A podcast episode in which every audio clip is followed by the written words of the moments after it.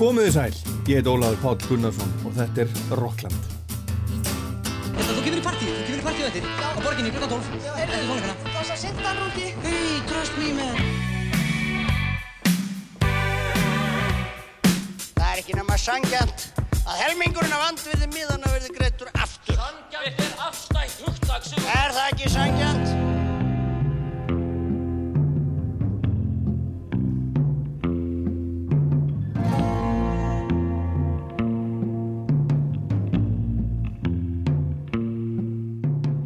Var að koma á Vínil í fyrsta sinn í tilöfna 20 ára útgáfa amæli fjórða plata hljómsveitarinnar í þessi sekundubrót sem í flýt. En platan var ekki bara að koma út á Vínil, hún er líka á Spotify í nýju útgáfinni, nýja mixinu. Körver Tóráttsen er búin að vera að grauta í upprunlegu upptökunum. En hvernig er útkoman? Við ætlum að hlusta á plötuna, lag fyrir lag, með tveimur og fjórum mögsurum, þeim Birgi Edni Steinarsinni söngvara og gítarleikarunum Páli Ragnari Pálsinni. Biggi starfar aðalega í dag sem sálfræðingur og Páll er tónskáld sem er verk fyrir symfóni hljómsveitir. Er það ekki satt? Og velkomnir. Það er satt og þakka þér fyrir. Ha. Passar, passar. Og til að hafa mikið með plötuna. Já, takk fyrir. Takk. E- Eru eru þið tilbúin í þetta? Já, Já, ég, Ef við ekki bara setja, bara setja fyrsta lagið á? jú. bara kýlum því gang.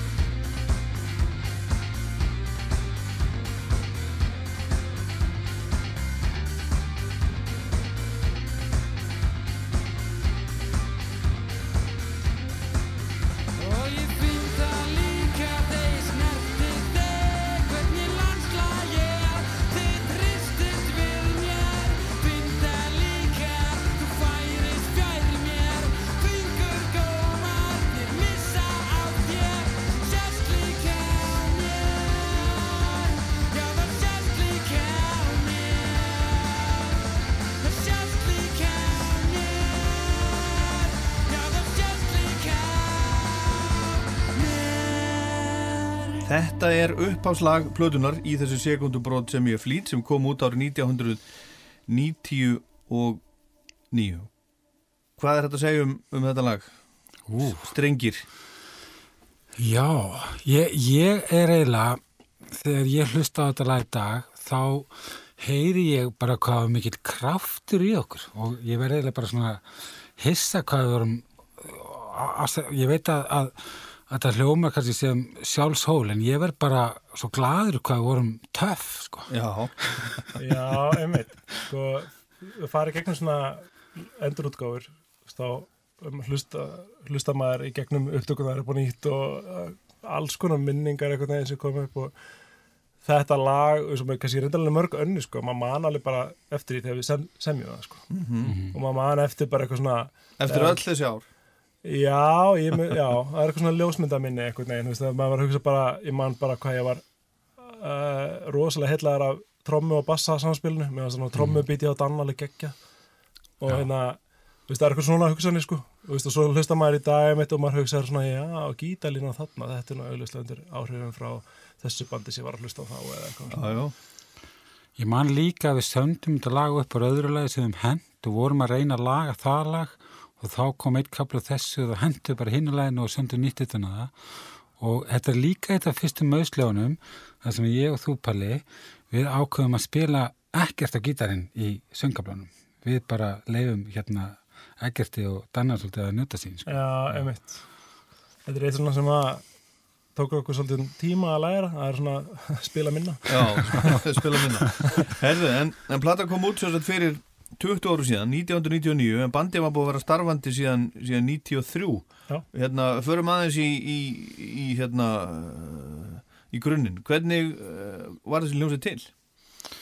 Hún var til í árbænum, við erum náttúrulega þrýr á, á fjórum eru, eru árbæingar og vorum búin að vera æsku vinir alveg lengi og, og ég og Eggert við vorum svona búin að vera að tala um það að víst að við vorum búin að spila í öðrum hljómsveitum og værum besti vinir, akkur við ættum ekki bara að prófa að stofna saman já, Við byrjum í, í svefnherbygginu hans bara með kassagítar og kassabassa, þeir tveir. við tveir. Já, Og svo vildi Eggert fá hann Daniel inn sem hann hafði verið með hljómsitt áður og ég Þannig kom ekki strax. Nei, hann kom ekki strax, nei, við reyndum aðra trómara því ég vildi bara ekki fá Danna inn, sko. er það? Já, það var svolítið svolítið, við vorum ekkert eitthvað bestu vinnir og svona, og hérna, og, og, en síðan bara var svo augljóst að hann væri langbesti kandidatin, hann var miklu betri trómar en allar aðri sem við prófum, hann að ég, við bara svona gaf eftir. en Þetta þú var komst samt- inn á undan Danna? Já, ég kom inn á undan danna sko. og uh, sko ég kem úr Norðumýrinni og var í MH meðan þeir voru þannig í MS á þessum tíma og ég, en þetta er þetta fyrr, ég er að klára tíundabæk þegar þetta er og á þessum tíma var rosalega aktív tónleika sena hjá ungum böndum. Og maður var að mæta tónleika í hverju einustu viku, oft, oft í viku jafnvel. og maður sá það að það var alltaf sama fólki á mikið þessum tónleikum. Og maður byrja strax að kannast þarna við fólk sem að maður hefur verið samferða í tónlistelífuna alveg síðan þá. Fullt af andlitum sem að maður Fólk kynnist bara þarna bara af því að maður er alltaf stendur allt í hennu alltaf aftur við hliðin á sama manninum á tónleikum og, og þarna byrja ég að kannast við Körver Mhm. ég kynnist uh, Danna og þetta er allt svona oft, þú veist, einhver þekkir einhvern þú veist, Já, já. og hérna maður er einhvern veginn allt í hennu farin að hanga með Danna þú veist, tengilegur með hann var til dæmis að maður þekkti Ólabjörn sem var að spila með Yucatan og Hann var á árbænum og hann var Orbanum ég var oft með honum og þá, þú veist, Danni og Körver búin að bestu það voru bara smáböld. Þá svona myndast einhverja tengingar hann ég var rosalega meðvitað að leita mér að hljómsað á þessum tíma sko. ég var alveg ákveðin í því að vilja komast í hljómsveit og þarna ég mani eftir að Körver segja við mig, þú veist, að Biggi og ekkert vera að leita að einhverjum í hljómsveit. Já. en ég man, ég gaf mig alveg fram og gekk svolítið á eftir í og uh, þá einmitt voru við, þá var Danni ekki komin inn í bandið. Við man eftir einhverjum einnig tveimur æfingum þar sem við erum með einhverja, einhvern annan trommara Mm. og eitthvað, og, en það var strax mjög augljóst að við ættum að ringa í Danna já, já. Kannski því að- Sérstakann stíl. Já, já. Já. líka, líka bara að hann og Eggert þau spila lengi saman og við vorum allra árbænum og hérna og Danni var augljóslega já, hinir kunnilega ekkert að drömmur og hérna og Körfur er náttúrulega búin að vera æskuvinur okkar bara frá, frá blöti barnspenni og hérna þannig að meðmæli frá honum og reknin þá vissu að hann væri svona myndi passin í hópin sko þannig að ég held að ég hefði hringt í Palla bara, ég hefði hitt hann eitthvað einu snáður og bara púið hann með ljónsveit, það var eiginlega svoleiðis Já, en það var eitthvað nefnir þannig, já. Eh, Bara körfi er svolítið svona. Og hvað, þið hefur verið bara, hvað, 15-16 ára? Já. þau eru allir ára eldri en ég. Ég man, ég var, man alltaf eftir því, ég var að klára tíundabekk á þessum tíma Já. þegar að byrja að æfa og eitthvað og maður var eitthvað í samrændi prófum og mæta á æfingar þeim og eitthvað svona. Já, já. Já.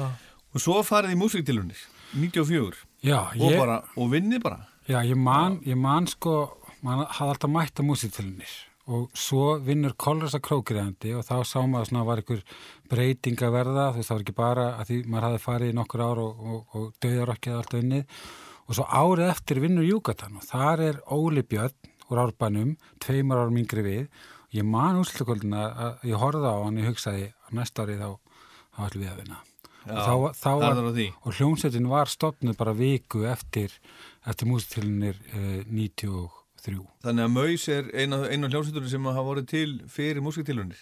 Já, e eða svona með allána þann vilja frá upphæði að við myndum taka þátt Já, svolítið það. Við byrjum hérna svona tæpu ári áður en við vinnum, sko. Þannig við og svona förum strax að spila alltaf mikið á tónleikum og svona, en við vorum alveg orðnir ágætir, þú veist, ef við tókum þátt. Já, þannig að, að spurningin áttuði vona á að vinna, hún á ekki við, þið ætluðu bara að vinna. Ég, ég mani þetta einu aðtöki og það, veist, stundum kemur á orð hvað, að því maður var svolítið kokki í gamla að ég man að þegar ég var að lappa upp á sviði, þá hitti ég einhvern strák, svona kemur einhvern strákur aðra hljómsveit og ég horfi á hann og segi að ég ætla að fara upp á sviði að vinna mústilunir. auðvita, auðvita. Heyrðu, en þið voru, já, 15-16 þegar þið stopnið ljóstina og sem þýðir að þegar þið gáfu út þessa fjórðu plötu sem við erum að hlusta af henni í dag, í þessu sekundubrót sem við flýt, þá voru þið bara, hvað, tvítugir? Við erum, hvað, tu- 22 þryggja? já, við erum, við Já, erum 23, já, 22, Palli 23. 22. Já. Já. Herðu, næsta plata sem kom á undan, Lóð mér að falla þínu eira, hún fekk nýju tilnefningar til íslensku tónlistavellununa og, og uh, lög af henni voru mikið uh, spiluð í íslensku útarpi, til dæmis hérna hjá okkur á, á, á Rástöða. En hver var svona, uh, hvað, hver var pælingin þegar, þegar þið gerðu þessa? Hver var stefnan? Hvað ætluðu þið að gera? Ætluðu þið að gera þessa plötu sem að svo var eða, eða ætluðu að gera eitthvað allt annað? Við vorum svolítið leitandi og opnir fyrir að að breyta, breytast, mann ég. Mm.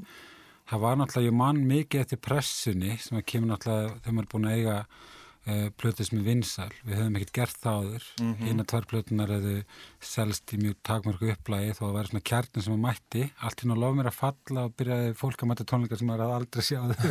Já, það var það fyrsta skipti og ég man til þess það var alveg tímabil sem að fór í writer's block og það var alveg svona smá kvíði allan í texta gerða svo les um, Já, þetta var alveg í fyrsta sinn sem að allt í einu textaðin streymdu ekki. Það er venjulega alltaf þegar við söndum lag þá byggir komin texta bara næsta æfingu líka við, sko.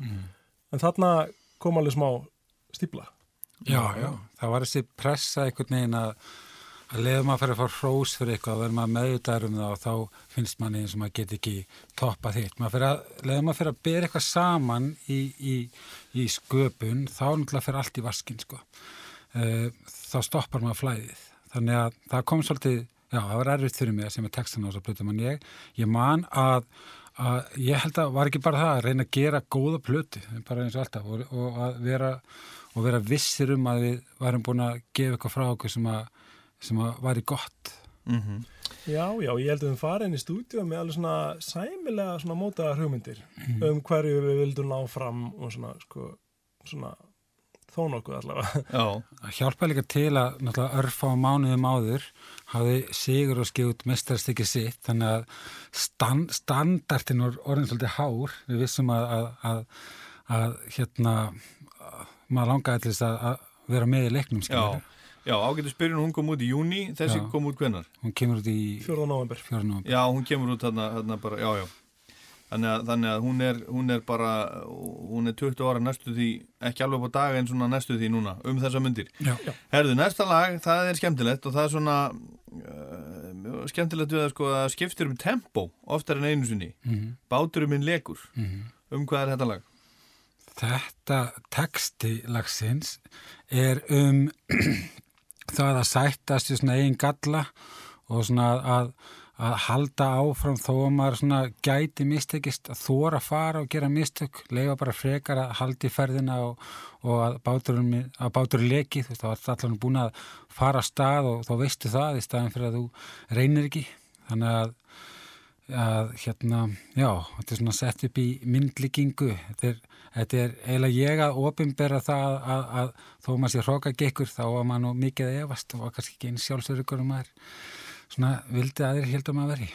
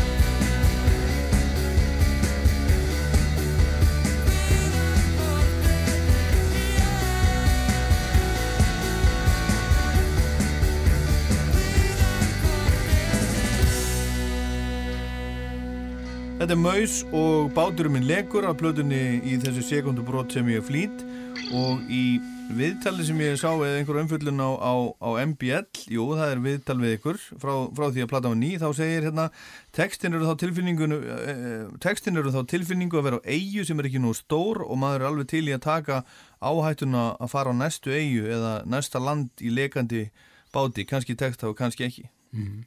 Kannastu þetta? Já, svona, ég held kannski í dag, skrítið maður sér texta eftir á, eins og það er, það er alveg textlásar plötu sem að ég vissi ekkit alveg beint um hvað voru, en síðan þegar maður kannski las þá tveimur ára setna, þá var það augljóst einhvern veginn, að ofta er maður bara að spila eftir einhverju tilfinningu. Og þarna er alveg, eins og segi, við vorum búin að tala um það, það var erfitt fyrir maður að semja texta þessar plötu, það var, það var sjálfs yfir einhvern veginn, en það var líka, þú veist, það um eitt, eigin í þessu getur verið Ísland eða einhverju myndlíking, sko. Já, já. En þið voru samt mjög kokki. Ég var nefnilega minningu, eh, svona ljósmynda minningu, frá því þegar ég heitti ykkur í fyrsta skipti. Ég heitti alla hljómsveitina. Ég sá ykkur ekki á músikdélunum. Já, Ég var stattur í hérna, músik og myndum í Östustræti, bara rétt eftir að þið unnuð. Ok. guðið mig góður. Og hérna, og hann komu þessi gaukar inn. Ég man að ég, ég stóð við afgreðsluborðið og var að tala við gamlan skóla bróður frá Akranesi Ásker Eithósson. Mm. Þeir eru komið inn ég man sérstaklega til Danna, hann var eitthvað að rífa alltaf og, og hérna og, og, og, og ég- varst þetta svona, svona sérstakur hópur, þið voru náttúrulega svo ungir sko. Og komað hérna inn, ruttust hérna inn og, og, og hann sérstaklega bara eitthvað hérna rífandi kjáft við allt og allar Nei, þetta er svona ágætlega, þetta er skemmtilegt að heyra þetta sko, en þetta lýsir okkur ágætlega sko, rosa mikil svona kemistrija í, á mill okkar. Já, Ábúrslega Mikið- mikið sterkur gengi. andi í, í okkur og mikið gengi. Já, mikið gengi, og þú veist, og svo litið svona hópur í kringum okkur líka, bara svona stór vinahópur. En, en mjög ólæk, ólíkir einstaklingar, veist, til dæmis að hérna, já, svo séum við það náttúrulega í dag sko. Já, veist, Já, einmitt. ég get alveg, ég get alveg skilið að, að, að ef að í, í svona gamla daga eða, eða bara í hvert einu skipti sem, sem maður hittur hóp og ein, einstaklingur í hópnum hafa sér einhvern hátt að maður svona máli hina Já, já, sama lit sko. En, en við erum í kjarnan og, og við vissum það þá og við sjáum enn betur núna að við erum mjög ólíkir já einstaklingar sko En tölum aðeins um áhrifavalda. Þa, það er hérna, það vita nú allir sem að hafa, hafa fylgst með íslenskri, íslenskri tónlistundafarin 20 ár að, að, að þú ert kjúrmaður. Já, ekki bara Birgir? ég bara, Við erum það allir sko. Er, er kjúr kannski stærsti áhrifavaldur ljómsveitarinnar? Og, og ef svo er af hverju? Svona bæði og sko, ég meina í grunninn, sko þegar við erum svona á mentaskóla árunum, þú veist, það er að tala um sé fyrstu tværblötunar okkar. Þá hlustum við á fátt annað en kjúr þannig sé sko, svona þegar við hittust svona í partíum saman. Ég myndi samt líka að segja Íslands punk Já, það er, það er alveg miklu meira en bara kjúrjú. Það er, sko, þarna á þessari plötu erum við farin að hlusta á talsvert annað, sko. Við erum alveg, þarna er til dæmis svona brittpoppi á fullu, við erum farin að hlusta miklu léttar og annað líka. Ég man að hljómsnið Garbage var mikil áhrifavaldar á þessum tíma Já. og hlustaðum ógislega mikið á þau í, þegar við vorum að gera þessa plötu. Já, já. En svo þetta lag, svo talaður um aðan bátur með leku, sko, við sjáum, við, við, okkur finnst það alltaf að vera svona lag þar sem við vorum einhvern veginn í þannig anda, sko. Þannig að, sko, Cure stimpillin uh, á alveg við, en þetta endar ekki alveg þar. Nei. Það er meira. Ég sé í grunninn þegar vorum að byrja þá hafi hljómsdur eins og þeir og kukl verið miklu meira áhrifavaldar. Já, já. Vorum svona, og það var eiginlega það sem saminaði okkur til þessi palla, veist að hérna, og við vorum líka bara, og birthday party og, Já, og svona bönn sko. við vorum að hlusta, þessi fyrstu töfumplöðu, hún hlusta ógislega harða tónlist, sko. Svona, einmitt svona, svona þunga nýbylgu. Mm einmitt þetta kökl og þeisarnir af þessu íslenska döti og, og síðan sko, já, einmitt birthday party Já. Jesus Lizard það var band sem var alveg mjög heitt svona á þessum Mhm. tíma og myndi segja ansi áhrif mikið Mhm. á okkur og daldi rocksununa hérna á Íslandi Já, á þessum tíma sko En svo náðu að búa til alveg ykkar, ykkar sound, ég menna maus soundið er svolítið svona afgerandi, afgerandi hljóð heimur. já, þetta er einhvern veginn svona með tímanum að þegar við bara, sko, æfðum ókslega mikið við sömdum fullt lögum og gáum út með tímanum með mitt þá verð, varð til bara eitthvað sem að varð bara rosalega mikið við Var líka myndast mér að trösta á milli okkar að hver og einn fengi bara að sjá um sitt einhvern veginn. Mm. Þannig kannski fyrst vorum við að byrja þá voru menn svona að pota stík hvað hinn var að gera. þá kannski aðlega ég var að pota stík hvað hinn var að gera. Já, ekki gera svona Ekki svona maður En, hérna, en síðan bara, en lagasmjölega séð, við fórum bara alveg í, á þessari plötu eru alveg konir það, við erum allir að semja saman í sama herbyggja á sama tíma, sko. Já, það er öll lögin á þessari plötu verða þannig til að við bara byrjum að spila eitthvað út í bláin og svo bara grípur ykkur eitthvað og segir hei, þetta var flott, spila þetta aftur og mér, prófum við tveir saman núna. Hei, þetta virkar ókslega vel, bætu núna gíturum ofana og, veist, og svona uh, og við, þarna voru við ókslega góðir í þessu sko, að grípa hugmyndina og móta þetta, þú veist, þannig að við vorum að mæta á æfingu bara með, þú veist, eins og, eins og aukt blað og koma út af æfingu með bara full, full búið lag. Það var alveg bara mikilvægt líka að, að, að við gerðum það sko. Maður svona fann það að Júðu Gast kannski sami eitthvað laga heima en, en maður gæti ekkert gengið í vísi að, að, að það er gripið að maus og það var allir sáttið við það sko. Já, já. Það var Já, kannski prófa en, en það var bara svona, meðan að þessi aðferð einhvern veginn, þetta var bara svona ókslega líðræðislega aðferð, Mhm. allir fengu að hafa sína rödd og ég held að það, þetta sé það sem að gerir þetta mausand alveg. Já. En hvað er þessi plata tekinu upp? hún er tekin upp í... Grjónamunni, Nei, ekki þessi, það var alveg mér að falla. Þessi platta var tekin upp með stuðan að, að það sem var, var ekki hljóðrít þarna með hljóðstúdíó um tíma og var, þið voru taka upp uh, fyrir teiknumyndur og eitthvað svoleiðis. Við fekkum að fara þar inn og tókum með trommunar og svoleiðis. Og svo er hún líka tekin upp í Sýrland að hluta til. hún er, við vorum svolítið að flakka með þessu við vorum Já. alveg líka, eða vorum við ekki líka eitthvað í hérna, við tókum upp ókslega mikið í grjónamunni en það rennur aðeins saman, það var svona í eigu skífu, senu, nei, steinars, Steinar- hvað þessi fyrirtæki heita á og hérna, Já, um, í honum Nú mixu í. Alda já, Já, einmitt. nú heitir þetta, já. Sko, hún var allavega mixu í Sýrlandi Og mixið í Sýrlandi, ég man að brassið og strengin á tegnum í jú, hún er tekin upp á er, stöðum bara. hún Já, já. er alveg líka í grjótnáminni mikið, sko, sko. En, en já, mixi var allt í Sýrlandi. Það var sinn sem, við gerum það. Já, en núna sko, nú er nú var hún að koma út aftur á Vínil og, og Spotify nýtt mix Sko, og reyndar uh, aðeins að leira þetta. Þetta er ekki nýtt mix, þetta er ný mastering.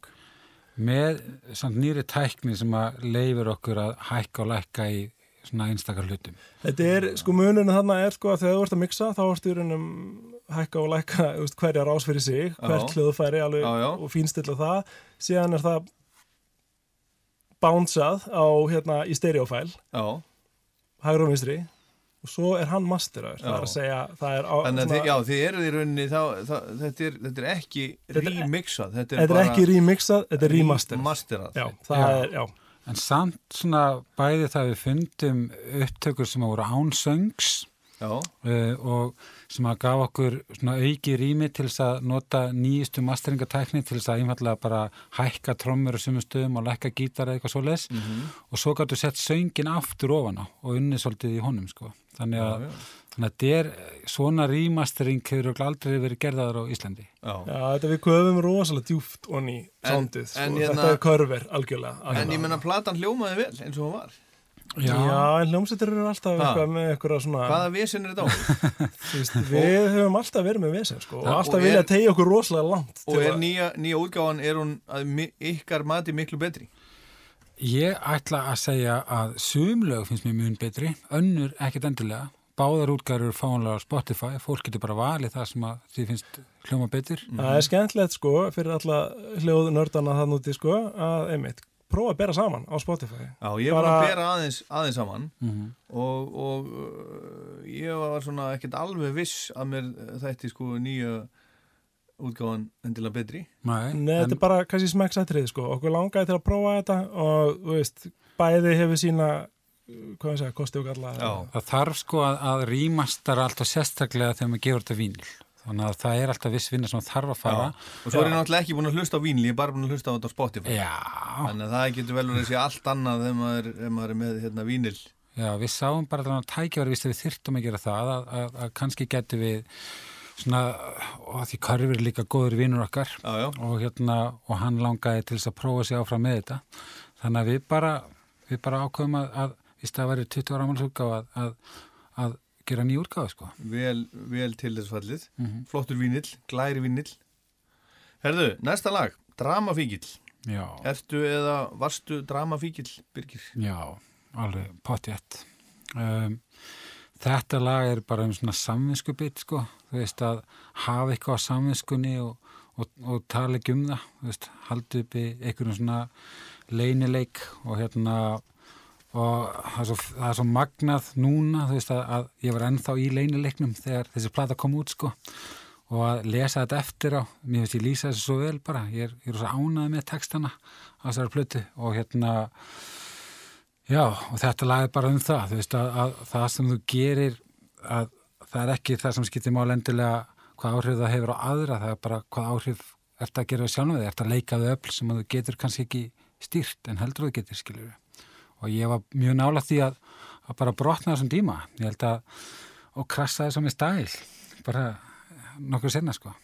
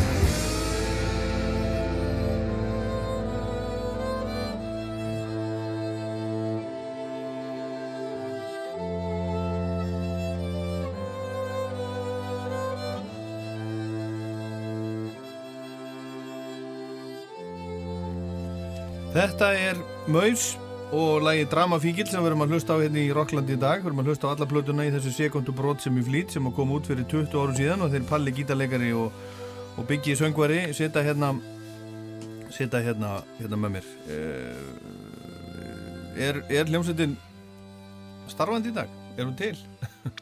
Við erum alltaf að föndra eitthvað Nei, við erum ekki starfandi, nei. Við hittumst og við náttúrulega síðustu árum höfum Allir tekið- fjórir? Já, Já, já, já, Já, já. já. Og reyndar svona þegar við hittumst eins og, eins og, eins og að skilur við fara út og okkur að bóla saman, þá hittumst allir fimm af því að þá er körfur alltaf með okkur. Og það Er er eins og það? við heyri bara á hérna, þú veist eins og við vorum að tala um að körfur hefur með það að gera að ég byrji í bandinu á sínum tíma, hann er okkar saga og hann, þetta er eiginlega svona alveg samlíkjandi. ef, ef það væri 50 meðlumur í hljómsýtni þá væri Þá það hans- það- Er hann ekki 50 meðlumur í hljómsveitinni? allavega á félagsliðinu og núna jú með þetta, með að vinna með okkur þetta, þessar plötu en sem sagt, ég minna bandi er ekki starfandi en, en við höfum alveg tekið nokkur gig í setni tíð, sko, Já, já. Já. og veist þannig þetta er svona, Já, já. en við erum samt alveg búin að sifta yfir í þetta svona að vera bara óvirkt band en þú veist, kviknar á ljósin einstakar sinnum, sko Já, já. Saumaklúpur, síðasta verkefni Maus var um þetta mála, hjálpa körfur með að mála íbúðina sína já, já, einmitt, sko þetta kemur fram í ymsum myndum en við, við, Komu allir? ég mætti ekki Nei, við Danni tókum þetta Já. En eru þið, eru þið fjórir, eru, eru þið miklu vinnir en þetta er í dag? já, já. Já, og hérna já, já, og þetta samtal um hvað er næst er alltaf í gangi sko um, Já.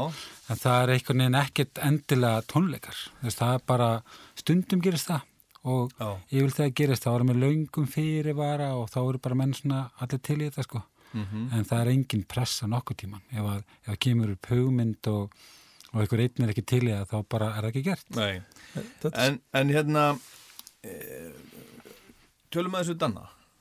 Segið mér frá Danna. Hvernig, hvernig náum ekki Danni? hann er engum líkur einhver líkur Já, einmitt, hann er ótrúlega klár. Hann er rosalega listræn hann er rosalega skapandi. Ótrúlega uník karakter að öllu leiti bara, hann er Já. hann, bara úst, ótrúlega stór þá- þáttur í hljómsdynum þess bæði, bæði óvinnu viðkvæmur og óvinnu sterkur. Uh, hann er hann er, getur verið fáránlega fyndinn hann, hann, það er, ég man eftir svo mörgum momentum þar sem maður er bara með krampa í maðanum að því maður er ekki Já, hann fyrir stað hann, alveg mest smitandi hlátur bara, og hann er með rosalega sterkar skoðanir Já. og, og, og er rosalega duglegur að, að deila þeim Já. uh, maður er ekkert alltaf sammála en stundum bendur hann manni á alveg stórkuslega hluti já, bara mjög oft sko, hann svona kemur með svona sitt sjónar á hlutina sko og bendur mann á eitthvað sem maður hafi virkilega ekki hugsað út í sko. Já.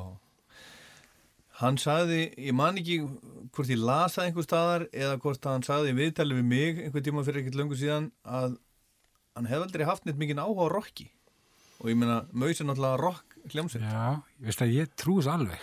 Þetta er alveg, sko, já, ég, ég geti litið á maður sem kannski svona eitthvað rock tímabil hjá honum, en þú veist, og jú, jú, hann var alveg að hlusta svona allavega framan af, þú veist, á böndis og víser og svona, Já, og, en- en hérna, en Danni þegar ég kynnist honum, hlustaði bara á rap tónlist og kannski svolítið á, ég bara svona rap poppi sem var í gangi þarna á svona, svona snem 90s tíma Já, og já. svo um leið að maður þessi búið þá fer hann strax eiginlega bara bent í þannig tónlist aftur, já, sko. svo er hann náttúrulega í, í svona raf tónlist í dag. Já, Já. já. hann er svolítið bara komin heim sko, hvað það var þar Já, og líka eins og þú hlustar á maus þess- þá færist hans hluti alltaf meira og meira í að raf síðast að blanda nokkuð music þá er komið heilmikið af rafelementum og það var allt hann bara Já. Akkurat. En, en hérna, ekkert. ekkert ekkert Gíslason hann er svona hann er, hann er svona kallað amman í hljómsveitinni Amman. því hann er svo grínuði stundum með þetta svona, því að hann átti það svolítið til að sjá alltaf svolítið svona um okkur sko, þú veist, að, hérna, hvað maður segja, svo vorum við í útlandum sko, þá var hann með landakortið eða, þú veist, og Já, já. vísaði veginn sko. Já, er hann svona á, ábyrgur. hann er rosalega ábyrgur, Rosalega ábyrgur, og með rosalega sterka siði fyrir skend og hérna og, og, og, rosa, og alltaf tröðsinsverðir maður er alltaf stólað hann sko um, hann hérna hefur örgla af okkur fjórum minnst gaman að sviðsljósinu og hérna hefur engan hefur örgla aldrei haft áhuga að vera ykkur rockstjarna hann bara lendi og verði í því að vera sér hljómsveit Já, einmitt. Mjög afgerandi bassalegari. Sérstakann svona kraftmikinn stíl. já, já. já, geggjaði Suðsson komi Já, hann er, hann er rockstar Hann er það, Já, einmitt. hann, það, já, hann er svona reluctant rockstar, sko. Já, hvað er hann að, hann að gera í dag? Hann er bara að brugga bjór og hérna... Nú, já, hvar? Hann er, hann er, hann er einn af eigundum Brúdók á hverjaskotu. Já, já. Hann er að, aðaldjópa hans er að vinna hjá tölufyrirtæki, sko, en hann er, þetta er svona, hann er, hann á tvö áhugamál sem ég held að sé náðu langt út fyrir það að vera rockstærna, sko, eða lengra. Það er að, það eru hjól, já, hjól, að hjóla, já, reyðhjól. Já, hann er mikill hjólagarpur. og bjór. Hann er rosalur áhugamæður um þetta. Þetta á, þetta á vel saman, ekki, ekki samt á sama tíma en, en að fara fyrst að hjóla og fá sér svo bjór. já. Já, akkurat, sko. um svínvirkað. Að Hann er alveg, þetta er alveg hans, Já, Mikill fjölskyldumæður. já. Já. og vinnur hjá tölvufyrirtæki. Já. Já.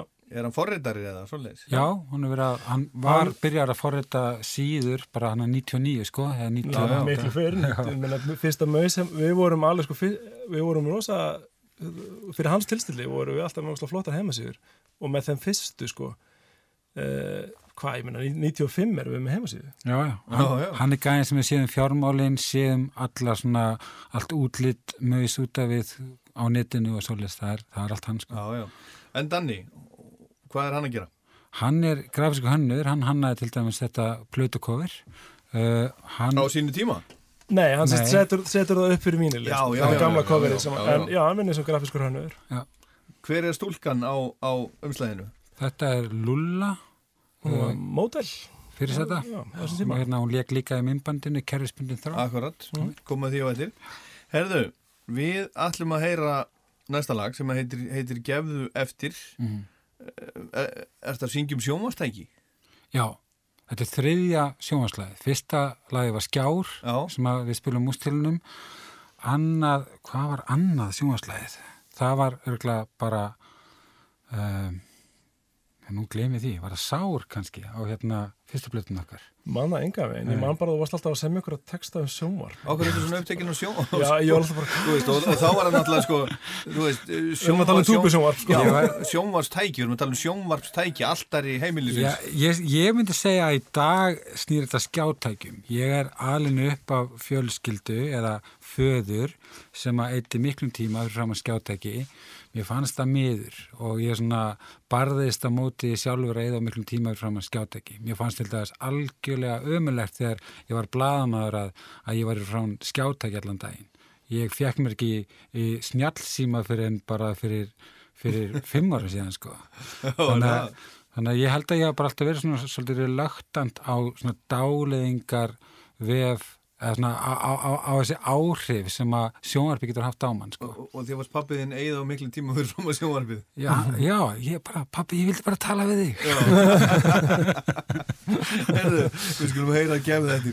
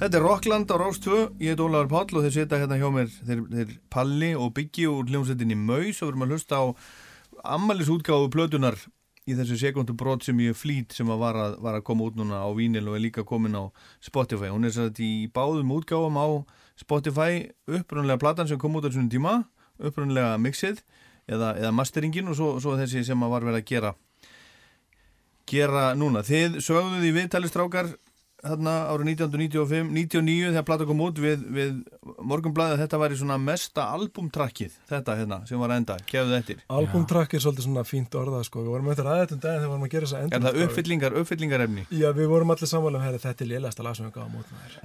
Er Fínt lag. Mér finnst það sánda geggja vel. Er Það sándar, það já, tvímælust betur á þessar útgáfi en Já. fyrst, já, það er eitthvað, við björgum einhverju þarna, sko, en okkur, nei, þetta er ekki þessu lagi, sko. Þetta er bara, þetta er bara, við erum típist svona að vera ofur, svona, kritískir á okkar eigin verk, sko, er ekki, ekki þessu lagi, sko. Ég held að það sé það hættulegt sem að menn, menn gera sko ef þeir eru svona krítiskir á sín eigin verk. Ég held að margar plöður hafa verið afskrifaðar gegnum tíðina bara vegna þess að listamennir þau sögðu einhver staðar, já við hefðum nú viljað gera þetta aðeins betur. Já, og, og listamenn hefðu Það er- alltaf ég vilja man eftir, man eftir bara til dæmis þegar U2 sagði um plötuna Pop. Já, Já, þeir voru á leiðin í túr sko og hún var ekki alveg tilbúin að þeirra mati að þeir hefðu vilja hafa aðeins meiri tíma til að gera eitthvað aðeins betur. Já, þá fyrir platan alveg hræðilega dóma algjört rastl já, ok, og svo framvegis Auðvitað. það getur verið hættulegt. Já, auðvitað. mjög ég hættulegt myndi að erum leiða rosalega listamæður ánægðir tala niður eigin verk, já, einmitt. Herðu, en hérna en Mausvek yfirleitt, yfirleitt á dóma að textarnir væru sterkir. Hvaðan kemur þessi áhersla á, á, á textagerð og, og, og, og það, það á íslensku, það var ekkit sjálfgefið að að gefa út plötu með e, íslenskum textum, þarna var til dæmis eitt heitasta stæðsta bandi búið að vera Jet Black Joe Mhm. sem var að syngja á, syngja, syngja á ensku þeir eru hérna sam, samhliði í bransanum en hérna uh, hvaðan uh, kom þetta og þetta eru, þetta eru fíni textar og þú bara rétt rúmulega tvítugur Já, Ertu snillingubyrgir? nei. Ég, um, ég, ég gaman að lesa bækur. Já, Ég, alltaf haft Já, og hef alltaf haft mikinn áhuga á, á textagerði tónlist. Þegar ég er 13, 14, 15 ára þá er maður að hlusta á, á til dæmis Robert Smith sem að er frábært textahundur uh, og Nick Cave, maður að hlusta á Birthday Party og, og Smiths og svona það sem að er gífilega mikil áhersla lögð á textagerð. Þannig að mér fannst það skipta máli, mín upplifin af, af tónlist er yfirlt svo að þú heyri lægið og svona, jú, þú grípaði ekki og svo svona grípur það, alltaf fyrst melodían og lægið og, og svo því oftast þú heyri það, því meira fyrir að grípa textanum og þá aðlast lægið einhvern veginn dýpri meiningu og sekkur dýpri inn, sko. Þannig að þetta skipti mig máli sem hlustanda, þannig að alltaf sé ekki bara þess vegna sem þetta skipti mig svo Já. miklu máli sem, sem listamann, sko. Ég held að ég uh, aðhyllist þessa kenningu ég held þessi sammálaður vegna þess að ég held að sko, ég held að, að texti í lægi sé svona, svona langlífið Já. það var til dæmis í munni kannski eftir því það kom út uh, eða það er, það er eitt gott dæmi hérna, það var held ég sko Sena sem að gaf út á þessum tíma svona fimm diska kassa, 100 lög 100 bestu lög lífveldisins Já, og það eru 95 af þessum 100 sungin á íslensku já, Já. það er lengi tilvíðun. það er svolítið merkilega pæling sko Já. Svona í þessu, þú veist hvort maður á að syngja á ennsku eða, eða, eða íslensku þið, þið gáðu nú út, var ekki önnu platan eitthvað sungin á ennsku? önnur og fymta líka sko. við vorum svolítið fram og tilbaka með þetta sko. Við en, byrjuðum að syngja á ennsku en síðan bara skiptuðu fljótt yfir á íslensku og vorum byrjað að syngja á íslensku þegar músiktilinu voru. Um, fyrir mig, ég, ég hef alveg já gaman að, að, að skrifa báðum tungumálum en ég man eins og Ghost Songs, hún var á ennsku út af því að útgefandin bara baðum það. Uh, síðasta platan okkar var á ennsku að því vorum að vinna með erlendum prótesterum og, og hún var sem sagt uh, plögguð á erlendan markað Mm -hmm. þannig að Þið ætlaðu að vera heimsfrægir? við, við, við vildum það alveg eins sko. það var bara, það var gaman að spila út í, út í löndum og svona um, en þegar það var algjörlega ljóst að platan var bara komið á íslensku þá, þá á Íslandi þá var platan bara íslensku þá, Já, já. þá við rættaði ekki eins og en það er mjög svona gaman sko, þess að þegar við erum með að hlusta í gegnum þetta aftur sko. Já, góði textar Já, takk maður. Gítarinn, geggjaðir. Já, einmitt. Nei, bara, minnst áhugavert að hlusta í gegnum þetta allt í ykkur svona, svona í baksinni speklinum, sko, og Mm. hérna eldast rosa vel þessi textar. Og augljóslega mikill karakter á bandinu. Já, Veist, við fjórir og sérstaklega við þrýr er að segja, við erum allir bara einhvern veginn í okkar að spila okkar hljóðfæra og svona sko svo þegar maður heyrir þetta svona mitt í, í útvarpinu eða svona sko, þá náttúrulega stendur textin augljóslega með framalega já. Spjallið við þá Bigga og Palla úr Maus um plötuna í þessi sekundu brot sem ég flýt heldur áfram auðvitað hérna eftir smástund. Hey, this is Nick Rhodes from Duran Duran on Rockland, Roustville.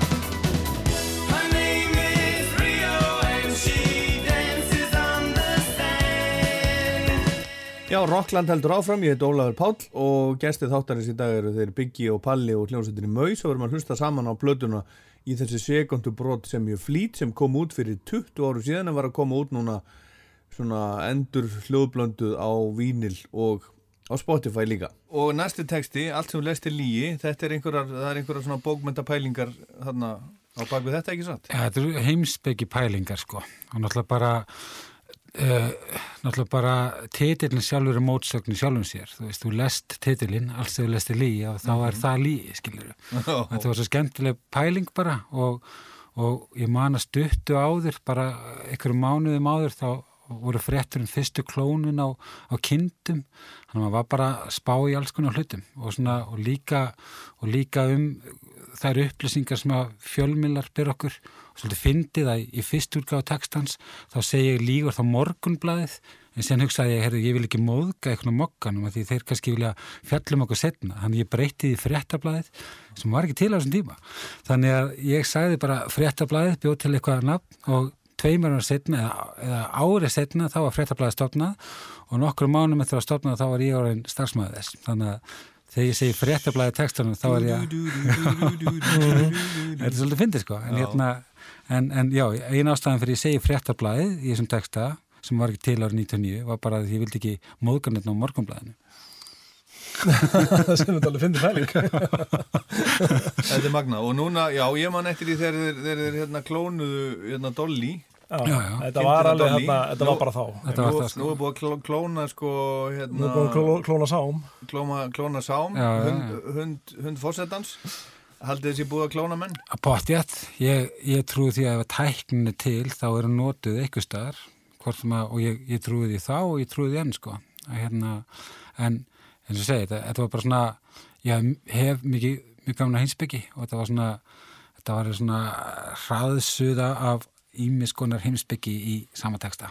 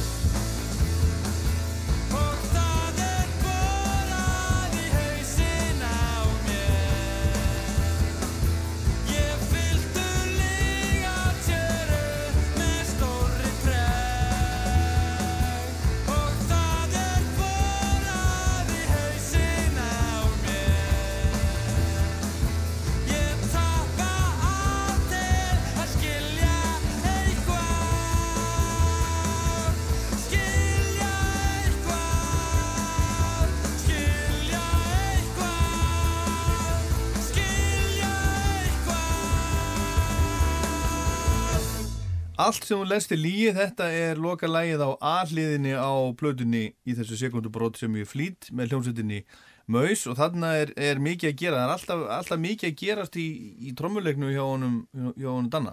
Já, Hann trommar alveg út um allt, já hann, duglegu, trommari, sérstaklega stíl. það er líka bara svo mikil ánægja að spila með honum, að smitast bara svo með. Hann er stórkostlegur hér, uh, listamæður. Já. Herðu, eitt hérna, nú erum við búin að tala um textana og spila með mennskuna og hitt og þetta. Eitt af því sem að var oft talað um mann ég og þú reyndar uh, kemur að því hérna í, í, í, í, í loka læginu, það var að, að þú var ekki nú góðu söngvari byggi Já, og verið falskur. já, já. Hvað segir tónskáldi Páll um, um það í dag? Mm, já, það getur verið svolítið sásökafullt að hlusta á sem var upptökunar.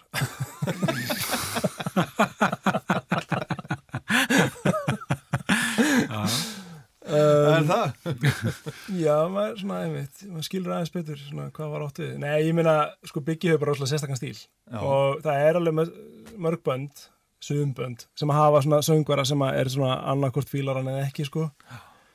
Þú veist, Smiths eru til dæmis þannig band, Cure eru líka þannig band. Uh, The National, ég las viðtala við á um daginn, þeir voru einmitt á eins og að hlusta á sjálf okkur tala, þeir voru að segja, já, við vitum það alveg fullt að fílar ekki söngvaran okkar, en við fílum hann. En Cave og Megas, Björn Jörundir, við getum aldrei endast áfram. Sko. Já, já, akkurat sko. En að mér, ég tók nú alltaf þá afstöðu og gera ennþá að þú veist þetta, bara verið karakter enginni okkar og hún meina ég á jákvæðan hátt. Mm þú veist og já, ég veit ekki. Já, já. ég meina við erum bara að vinna með það sem við erum að vinna með. Já, og hérna, næsta lag, við skulum bara heyra það hérna, þar er nú, þar syngur nú alveg eins og engilbyggi Takk. og, og með þessar líka, og þessar líka fallegu útpældu laglínu, það væri, það væri einfalt að útsetja þetta fyrir kór bara, Já, hérna, eh, hefur það kannski verið gert, Nei, en kerfisbundið þrá? Nei, en þú veist eiginlega bara að pizza góður hugmyndina sko. Já, en þetta er rosalega, þetta er flott lag, þetta er, þetta er nú uppáðslægi mitt á þessar blödu og, og hérna flott melodía og, og, og eins og segi, syngur þetta alveg eins og engil. Takk fyrir. Ef að heyra þetta?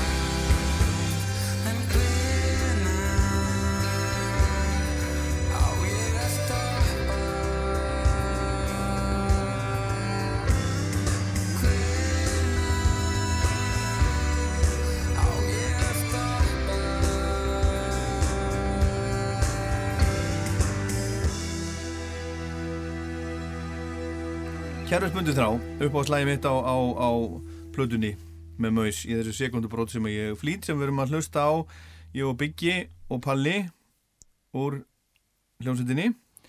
Eh, Þið gerðu, gerðu myndband við þetta, þetta lag. Já, en töluðu um það sem, sem stuttmynd.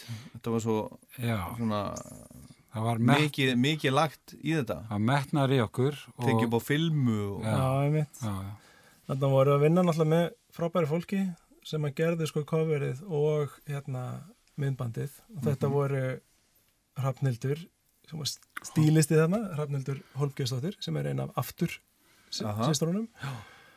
Reyni Lingdal Reynir Lingdal var í myndbandinu, gerði já, myndbandið. Það var Bjarni Gríms, gerði ljósmyndirnar. Uh, Toppi, Þorbjörn, Já. sem gerði grafíkina. Þetta var svona ákveðið svona teimi sem var með svona útlitshlutan, og mér finnst það óslega vel þetta að vera með svona myndband og plötu umslæðið í stíl. Mhm. þetta svona, það var svona hugmyndin að koma með einhverja eina ímynd svona, sem myndi ná yfir allt saman í byrjun og svo stækka þetta og, og svo náttúrulega eru við eins og við getum orðið ofur metnaðifullir og þá var, þá var þetta komið að filmu og, og að og þetta var frumsýnt þetta var alltaf sínt á undan einni James Bond mynd við fengum það í gegn Já. þú fóst í bíó og þá var myndbandið sínt á undan þetta lag Já, var það? já, og rosa, voru rosa frumsýning eitthvað sem að við mættum á manni. Já, já, já, og þannig að við, það var gaman að, ég man að það var einmitt í Austurbæ, að þá sá maður þetta myndband á stóra tjaldinu þar, sko. Þannig að, já, það var alveg, við áttum það til að vera svolítið svona mennafullir og gera, Já. Gera svona hluti. og hérna og alltaf að bara gera, búa til aldrei króna fyrir það eða hvað Þannig séð. Já, Eh, já. Þú veist, ég meina eftir því sem að við verðum aðeins vinsæli, jú, þá förum að spila á okkur um skólaböllum og eitthvað og fá okkur að tíkalla fyrir og þú veist, bara that's it, sko. Það sjálfur sér örgulega aldrei mætt kostnaði, sko. Við vorum allir með vinnu allan tíman sem að mausa starfandi, sko. En Já. ég man að síðust árin, veist, þá var þetta orðið, þá gaf þessu auka að vinna alveg bara helviti vel, sko. Já, já, þetta var allt í lagi sí- síðustu árin, ég minn allt í lagi í þeim skilningi að þetta var ykkur auka vasapenningur, séð. Já, já, já. Það er hérna, það er aðri tímar í dag þegar menn bara mæta svið og, og hérna klæðast bara einhverju peysu frá oljufélagi og fá bara alveg bönns á manni. Já. Já, þetta er svolítið óleikur bransi í dag, sko. Við vorum líka samt á þessum tíma duglir að segja nei við bóðum í auglýsingar og annað Já, það, það var bara annað tíma, það var annað þangagangur í, í, í loftinu. Það, Hva, hvað breytist? okkar þangagangur var að, að leið og, og þú, er, þú veist, einhver, þú byrtist í einhverju pilsauglýsingu eða eitthvað svoleiðis að, að þá hérna getur og þetta, þá getur svona dreigið úr e, svona credibility tónlistarinnar og það skipta okkur sem miklu máli einhvern veginn. En þetta er bara eitthvað þangagangur sem að yngri kynnslöður eru bara ekkert með. Því meira sponsu farið í dag, því flottar ertu, sko. Þetta var bara ekkert í gangi þá. Það var bara, þetta, þetta hefði, hefði Sólis hefði mögulega getið bara verið döðadómur fyrir uh, sveita á, á, á okkar róli á þessum tíma. Já, ykkur hefði verið slátrað af, af, af aðdáendum ef þið hefðu, selt ykkur. Sennilega, sko, þetta er svona sveifla svolítið svona fram og tilbaka, ég menna þetta var svolítið svona tíðarandið þá, og Já, já. þetta er alls ekki að gera þetta, þá náttúrulega augljóslega byrtist eitthvað tíma setna svona frá hinum vagnum, nei, það er kúla að gera þetta, Já. veist, og svona bara rúlar þetta. Og hatari syngur af hverju seldi ég ekki fyrir meira. Já, já, þetta breytist alls saman. Heyrðu, hérna, uh, hvernig, hvernig finnst ykkur að heyra, uh, heyra plötuna í dag, 20 áru síðar? Vist hún eldast vel og eiginlega bara, bara betur en við myndi. Við erum bara kom, búin að koma með skemmtilega óvart bara. Mér finnst eiginlega bara ótrúlega, þú veist, þegar ég hlusta á þetta í dag þá hljómar þetta eins og mjög svona sjálf tröst sveit, sko. Þú veist að Já. við erum, við erum einhvern veginn bara svona búin að finna okkur og bara hér erum við, svona er þetta og hérna, ég er rosa stoltur af henni. Ég hef alltaf verið rosa stoltur af þessari Já. Já, Og svo, svo voru þið líka, líka nokkuð gott liveband og, og, og þekktir fyrir svona kæruleysislega spilagliði, ég las það einhvers staðar. Hvað því það? Já, en við vorum, við tókum að samt rosalega alvarlega að vera gott liveband, sko. Við, hérna, það er, kannski annað, það er annað en kæruleysisleg spilaglið það er Já, bara að það- hafa, hafa sko, þannig eiginlega geta glimt ykkur á sviðinu Ég held að Já, það sé það er bara ekkert sko. Hann Er er bara skælbrósand allir tíman og bara eins og sé okkur okkur um öðrum stað sko. það er kannski verið að vísa til þess að sviðsfrákoman hafi verið lífleg hjá okkur já, sem hún var Já, já. en þetta semst að vera bara vel spilandi þéttir, þú veist, það var rosalega mikilvægt fyrir okkur Já, við æfðum tvisar viku sama hvað var í gangi sko. Er það? alltaf. Tvi, ég meina, tvís og þrís var, þú veist, bara alltaf, sko. Bara Í mörg ár? já, já, bara allan tíma bara já, alltaf, Er sko það? já, já. Það, bara, það bara var æfing og það bara gæti ekki komið í veg fyrir það. Já, hérna. Það var alveg bara, ef maður, maður hugsa tilbaka sko, bara, þú veist, klukkutímarnir, sko bara vinnustundirnar, sko, og komandi heim seint á kvöldin, þú veist, eftir æfingu, sko. aldrei bjór, aldrei neitt rugl bara að koma saman og spila eða semja Mörg ár, mörg ár. Það er ekkert annað. Herðu, næsta lag, gerður við er, er það um, um kynlífstúku? Já, eða svona um, um á þessum tíma 99, það var náttúrulega Baywatch, þú veist, bara eitt staðista málið.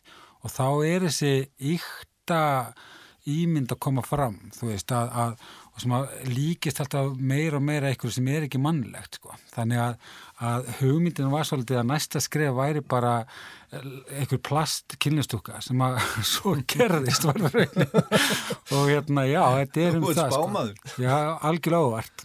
Ekki, ekki það að ég var að fallast eftir að eigna svona sjálfur. En þá kom þessi hugmynd að, og ég mann að það var eftir viðtals ég sá við David Bowie. Hann spáði því að, að eftir aldamótin þá myndi það snúast við. Það væri fólk frekar að eftir að tölvuteknum var búin að, að ná svona hæstu hæðum, það væri fólk frekar að leita sér það sem að vissi að gæti snert og, og væri gert úr við. Þannig að titillin er bara beint upp úr því viðtali, sko.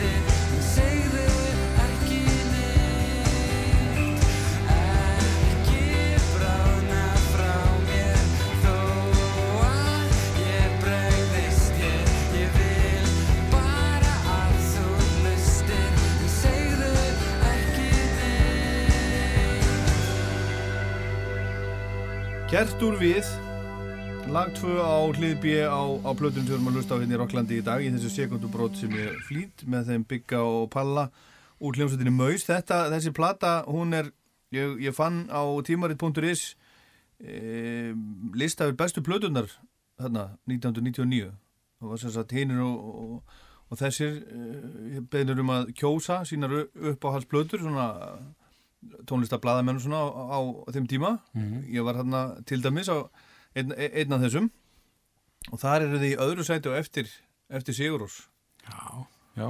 hvernig ég munið eftir því og munið eftir, eftir tilfinningunni Ég, ég held ég að bara verið sammála.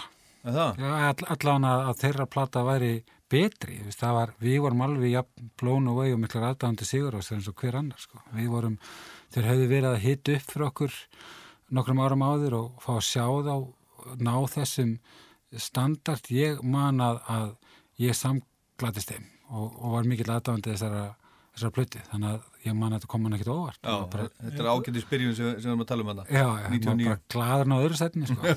Já, einmitt, nei, ég meina algjörlega sko, Vist, við erum í sjálfu sér sko hvað maður segja, við og þeir uh, meni, við deildum saman æfinga og svona 93 Já, Þetta er alveg, alveg, við erum alveg samstíga einhvern veginn í tónlistarlifinu spilandi saman á tónleikum og einhvern veginn syndandi svona í sömu sundlöginni sko. já, já og svo bara sjá þetta blómstra svona hjá þeim sko. þetta var bara eitthvað svona sem Já. að okkur þótti bara alveg stórkoslegt sko. En þið svona sprungu út til til að rætt þeir Já. tóku sér lengri tíma til þess að, Já, að verða en- að en- því sem, að, sem þeir urðu Já, okkar þeir eru sko stopnaði stutt og undan okkur með þessi sko. Þannig að þeir fara rosa svona rólega af stað sko, meðan að við einhvern veginn reyðjum svolítið Drífið- í gang, sko, einmitt, sko. En ef við skoðum hennar lista sko, þá er Sigur úr sérna ágættu spyrjun þetta, er, þetta, er, sagt, þetta eru tónlistablaðamenn á Íslandi þarna 1999 eða, eða í áspyrjun 2000 Sigur Rós ágættu spyrjun í fyrsta seti Maus í öðru seti í þessu sekundubrót sem í flýtt Kvarasi, Senesis í þriða seti Emilina Torrini í fjórða Love and the Time of Science Enzimi BMX í fymta Sálunars Jónsmins 12. ágúst 99 svo er það Moonplatan Yesterday was dramatic, Today is okay Land og Sýnir, Herbergi 313 í 8. sæti, Hey Johnny með mínus í 9. og Guðskus, This is normal Þetta eru í 10. geggja, geggja ár, Þetta er- Gott ár. gott ár og mikið af flottum blöðum hann Já, Hægt einmitt. smá. Já, Það verið eitthvað í vatninu. já. eitthvað hefur það, hefur það verið en hérna næsta lag já, í- fyrir að fyrsta það er, það er lúðrablástur í, í, í þessu lagi, það er svolítið af svona strengjum og, og, og, og lúðrum Já, á þessar blödu þar verður að, að, minnast á hann Samuel Jón Samuelsson sem við þekkjum, eh, við, við í mögistektum sem Samma Jaguar. Já, já, en hann er náttúrulega hann heitir ennþá Sami Jaguar í símanum mínum sko. já, já, og hann, hann sem sagt sá um allar úsendingar, strengja úsendingar og blossisúsendingar á þessari plötu og hversu rándir til það að hann sé að sjá um það og, hildur guðin er á sellónu þannig að þetta er svona já, skemmtilegt sko. En hérna, já, hann sá bara um það og, og, og, gerði miklu betur eitthvað en maður bjóst við, ég man að maður svolítið lengjar eitthvað á eftir honum maður byrja að efast um hann myndi eitthvað en gera þetta og svona svolítið er þetta ná í hann. Og svo bara mætti hann á staðin og bara neldi þetta í gegn sko. Og það var rosa gaman að vinna með honum. Og hérna en hann stýrir öllum hvað, er það kemur og fer sem er já, næsta kemur þú fyrir næst sem er nú eiginlega bara mitt upp á slagasarblötu um, hverju er það? Það er bara eitthvað við það. Það er bara fjallar um hérna núvitind, uh, eitthvað sem að ég náttúrulega tengi gífilega við í dag, þekkt ekki þá, en var samt að sem ég tekst um það. uh, Fílingurinn í það er bara ólíkur öll öðru sem við gerðum. Þetta er svona, þetta lag sker sér algjörlega úr, það er ekki líkt neinaður um auðslagi. Um þetta við upp sko að við sömdum þetta lag af því við vorum að hlusta Manu Chao á þessum tíma. Já, svona Það, reggi. þetta er svona sögur sko, maður fer eitthvað að hugsa aftur í tíma bara, ég man eftir, við spilum um Danmörku og okkur um tónleikum með köpinn, endum í ykkur eftirparti ykkur stær þar sem var að spila Manu Chao og þar heyrðum við þetta fyrst og fannst alveg geggjað. Já, og þetta þá dettum við svolítið svona, já, þetta grúf, svona sólríkt, svona hlýtt Aha. grúf sko, afslappað, Já, ógslag ólíkt okkur já, og við byrjuðum svolítið að leika okkur með þetta svona sound þannig, og þá einhvern veginn verður þetta lag til svolítið svona í tengslu við þetta einhvern veginn. svo kemur melodíana sama, hann, hann á sjálfur melodíana sem hann spilar og hún er alveg stórkostleg. Uh, já, og Svo er smá svona, minnst, minnst einhvern veginn, fekk einhvern veginn klass líka í hausinn, hérna, svona klassbassi. Já, kannski. Já, góða punktur, þetta er svona, svona Guns of Brixton Já. Já, svona hérna uh, rocksveita að spila reggi. Já. Já, akkurat. Ef að heyra þetta, kemur og fer.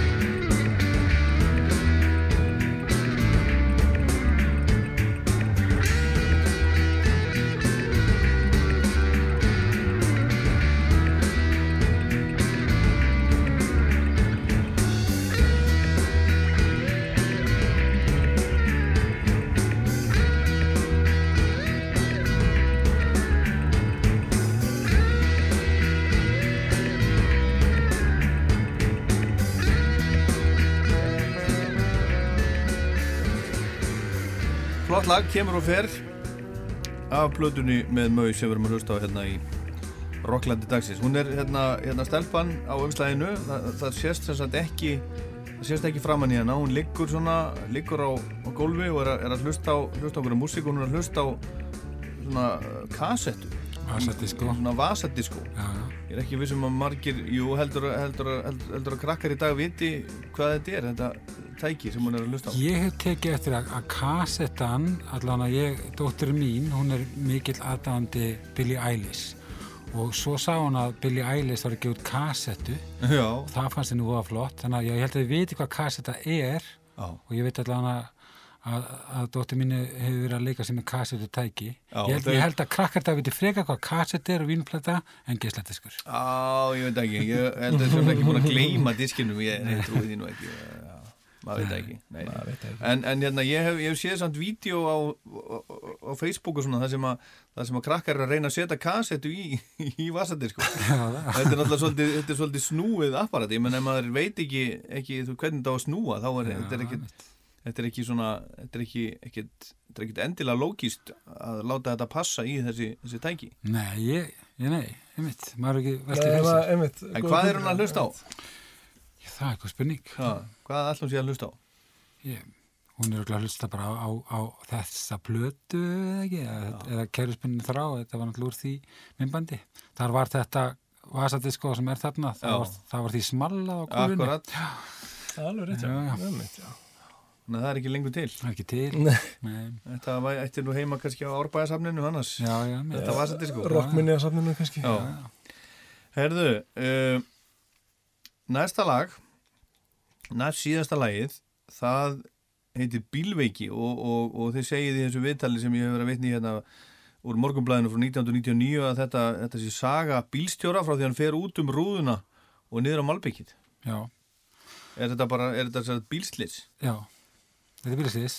Uh, þetta, gaman að segja frá því og meiri tengingu Sigurós. Ég samti hennar texta fyrst fyrir Sigurós. Þeir komið til mín og báðum um texta fyrir lag og ég samti textan og það var þessi texti og svo bara notið þeir ekki lagið og hérna, þannig ég tók textan bara tilbaka Já, og, og skellt hann um á lag fyrir okkur sko. Þannig að textin var til undan laginu en lagið er samt einhvern veginn svo rosalega bílslisalegt, það er svona hraðið í og þannig að það var gaman að því sko og eh, kemur örugglega bara af bílhræðslu sem að getur mjög bílhræður ef ég fæ ekki að stýra sjálfur. Er það? Mér finnst þessi text alltaf ógeðslega grípandi. Og þegar ég hlusta á þetta lag þá byrja ég að summa ég alveg á textan. Hann rosalega sterkar myndir í honum. já, ég bara virkilega ánað með hann og líka svona, ég veit ekki hvort ég var að svektur að glaður að sigur og snota hann ekki, ég veit ekki. Spurning Spurning.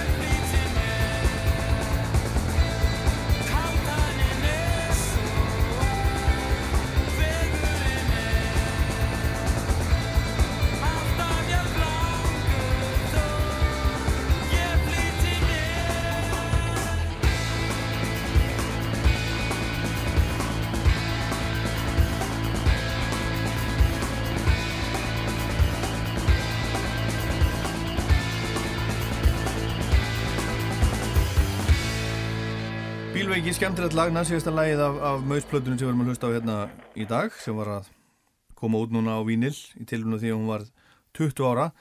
Hérna, uh, hún var tekin upp hér og þar segiði þessi plata en, en, en uh, var ekki Daniel Ágúst hérna, upptökustjóri eða, eða upptökumadur eða eitthvað? Nei, hann var sko fenginn inn bara sem svona eins og, hvað maður segja, rattþjálfi eða svona, hann sá Já, bara já. um söngtökurnar. Hann er ástæðan fyrir því að ég syng svona fallega í læginu á þann sem varst að Kjærlisbundið þrá? Já, hann bara, hann í alvörunni bara síndi mér, kendi mér nýja leið sem ég gæti beitt, hvernig ég gæti beitt röddinu minni. Þetta var alveg eitt af þessum mómenti sem maður mann alltaf eftir í stúdíun sko.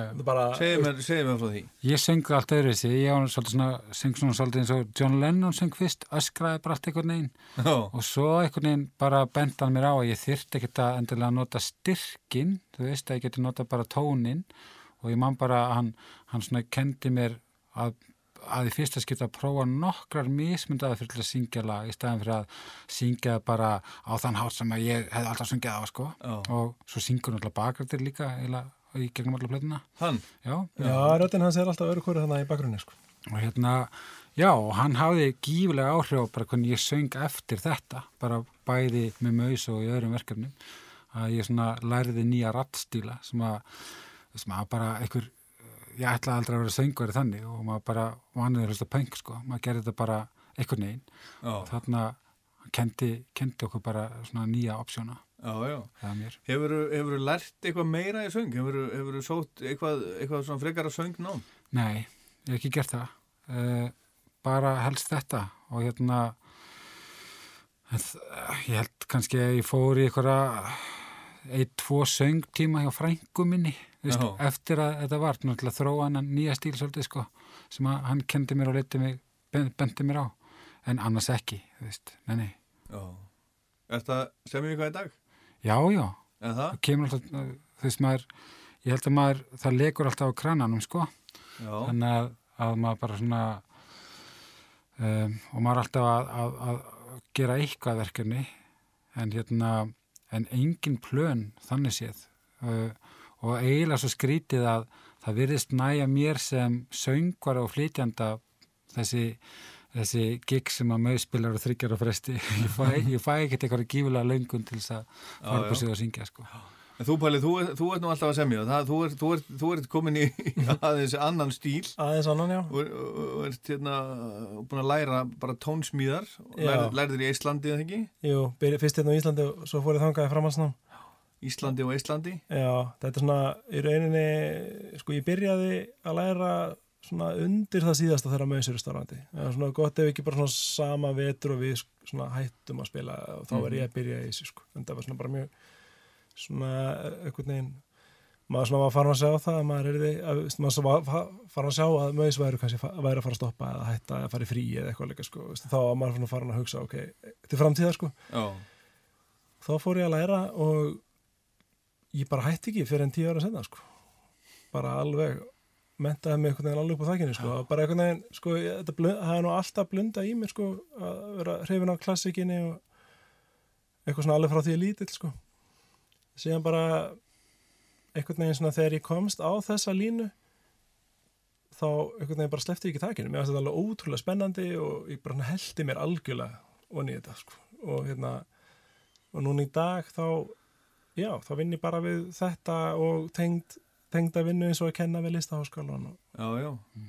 En, en ertu með ramaskítarinn uppi við? hann er allavega ekkert langt undan sko Já. Grí, grípur í hann? Ertu að- ertu að semja svona uh, lög? Um, að sapna í sarpin fyrir endurkomu maus? fyrir, fyrir soloplötuna, nei, ég er nú ekkert að því sko en skaman að í gítarinn og spila sko Já, áttu uppáhalds gítarleikara? Uh, já, já, alveg, alveg marga, en okkar allavega. Wow um, hérna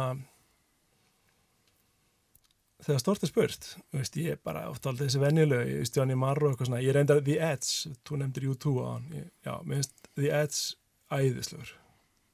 Og hérna já, svona þessi eitíska er þessi Johnny Marr og þú veist náttúrulega líka gítararnir, allir hjá Cure eru alltaf æðislegir um, setnið tíma gítarleikarar, þú veist John Frusciante, Chili Peppers geggjaður. Og veist, og svona gítarbönd náttúrulega, þú veist, eins og Sonic Youth og My Bloody Valentine sem er ekki kannski alveg þú veist, það er meira svona soundbönd sko, Jú, jú. en ég, mjög það er eitthvað svona sem ég hlusta alltaf á sko. Og já, þetta er svona kannski í grunninn svona þeir sem að ég, ég fýla, sem allir sem kom, kemur upp í huga núna sko góður listi En hérna, eh, þið gerðu eina plötu til viðbútar eftir þessa Já, sem heitir Music já, hún er sungin á einsku já. og þið voruð eitthvað að reyna fyrir ykkur í útlöndum, útlöndum og, og svona Já. en af, af, hverju, af hverju hættu þið svo? Það lág svolítið í loftinu bara. Það var bæði bara, ég man að Egger tilkynnt okkur fyrst að hann var að flytja til San Francisco. Eh, Það var orðið augljóst að, að ég, já, og svo eitthvað var ég á leiðin til London og, svo Palli bara, það var svona orðið augljóst að við erum alltaf búin að vera í hljómsveitni í tíu ár og bara augljóst að menn vildu fara að skoða svona aðra, aðra hluti líka, sko.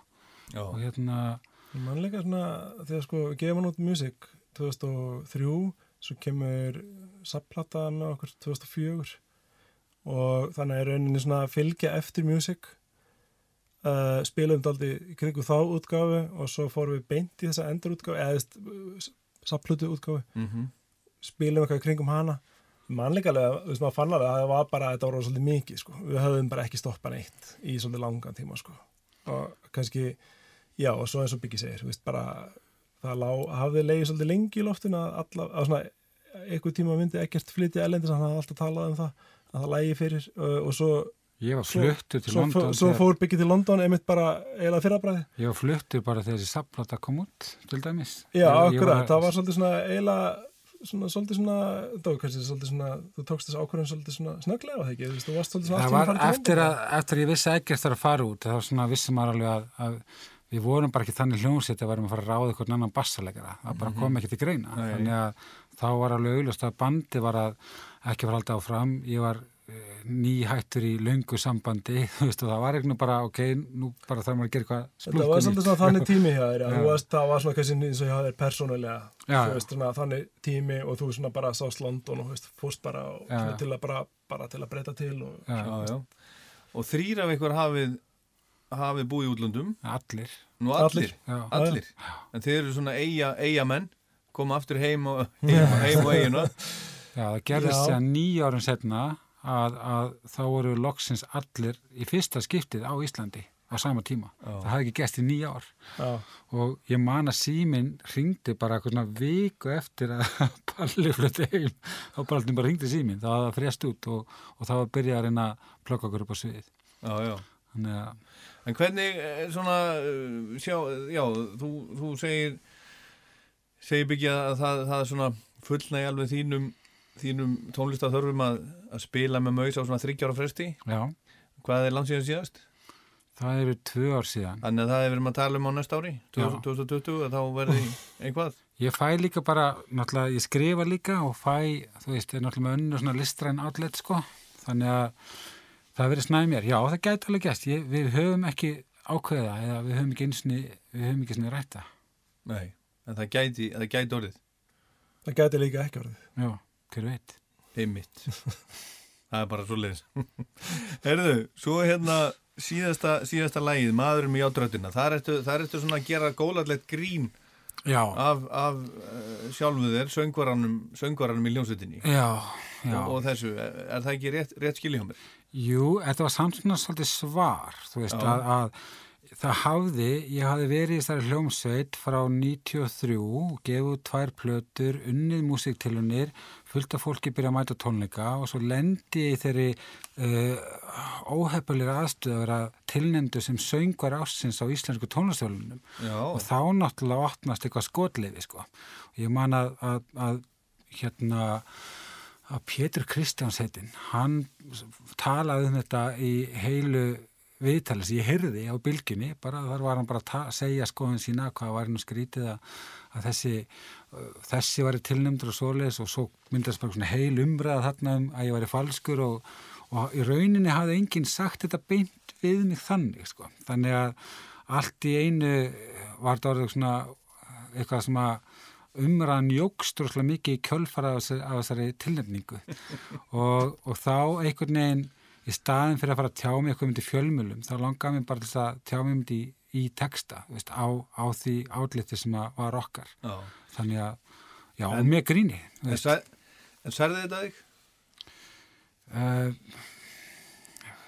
það er svo það er erfitt að, að þetta særi mann þegar maður mætir á þú veist tónleika hverju kvöldi og það eru fólk sem að borga sig inn til þess að sjá mann heyra. Og ég er líka alin uppið söngvara eins og ég sagði Nick Cave, Johnny Cash og ég var bara svo vanur þessu. Ég horfði bara á þetta þannig að að, að jú, jú, alveg pottið falskur með af einhvern en bara that's not the point. Þess að skiptir ekki máli hvað þú hvað þú kannt, það skiptir bara máli hvað þú gerir sko. þannig að, þannig að þetta böggaði mig ekkert ekkert það mikið. Auðvitað ekki allan að þarna. Nei. Nei. Við hefum ekki viljað hafa annan söngvarar í þessari ljónsitt. Nei, það er nefnilega málið. Hann er rosalega, þessi sérstakar röddans bygga er bara ótrúlega stór hluti af, af maus. Já. Það er bara, maður getur ekki ímyndið sér það öðruvísi. Nei. Herðu, ég eh, hérna ætla að þakka ykkur fyrir komuna í Rockland. Gaman að sitja hérna með ykkur og, og hlusta með ykkur á þessa, þessa flottu blödu og, og hérna hlakka bara til að sjá ykkur næst upp á sviði. Yes. Sjáumst þar. Svona endar þetta í dag. Ég minni á Rockland er út um allt, podcast á iTunes og Spotify til dæmis og svo Rockland á rú.is og í rúf appinu, rúf spilaranum og ég minni líka á Rockland mæli með listan, lagalistan á Spotify og mér þetta fylgja með því að velja hjarta 30 laga listi í hverju mánuði. En Ég heit Ólaður Páll. Takk fyrir að hlusta.